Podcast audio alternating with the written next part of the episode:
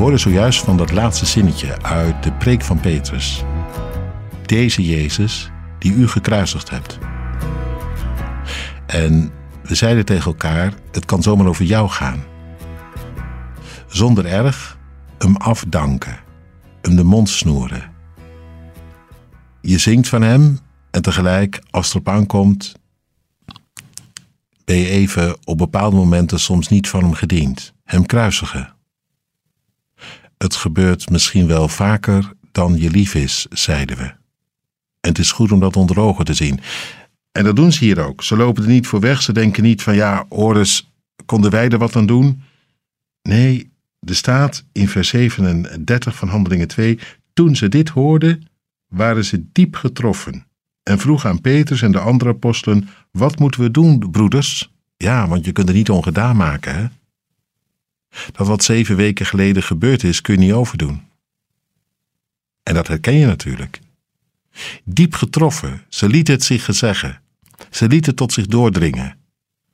Dat is vandaag de dag voor ons misschien soms wel heel moeilijk. Wij zijn al heel snel bezig om allerlei verklaringen te zoeken. Zo heb ik het niet bedoeld en als ik dat geweten had. En we zitten onszelf daarmee eigenlijk eerder schoon te praten dan dat we heel eerlijk onder ogen zien waar het soms heel erg fout ging en fout gaat. Diep getroffen. Dat is heilzaam, weet je dat? Als dat gebeurt, dan kom je echt tot jezelf. Mensen zeggen, je moet dicht bij jezelf blijven. Nou, ik denk dat er iets is wat veel verder gaat. Tot jezelf komen. Dicht bij jezelf blijven, dat, ja, dan blijf je ook jezelf. Maar tot jezelf komen, ontdekken, ik zit anders in elkaar dan ik had gedacht, minder fraai, minder mooi. Dat, dat is begin van verandering. Dat belooft vernieuwing. Dat geeft ontwikkeling. Dat zie je trouwens hier ook. Ze vragen wat moeten we doen en Petrus antwoordt: kom tot inkeer. Nou, dat is me wel even een verandering.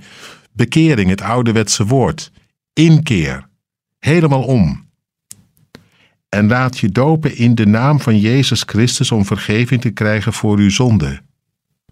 Zie je het?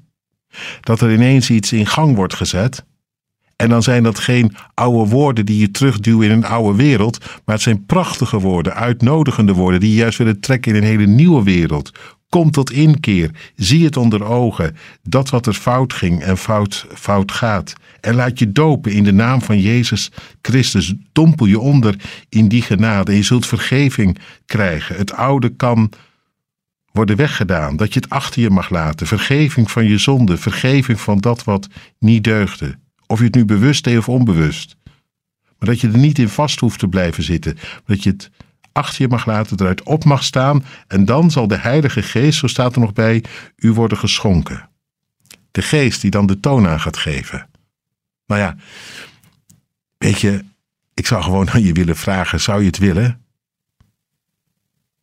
Gewoon heel eerlijk over jezelf. En dan in het licht van de genade van God er anders in gaan staan, geleid door de kracht van de geest.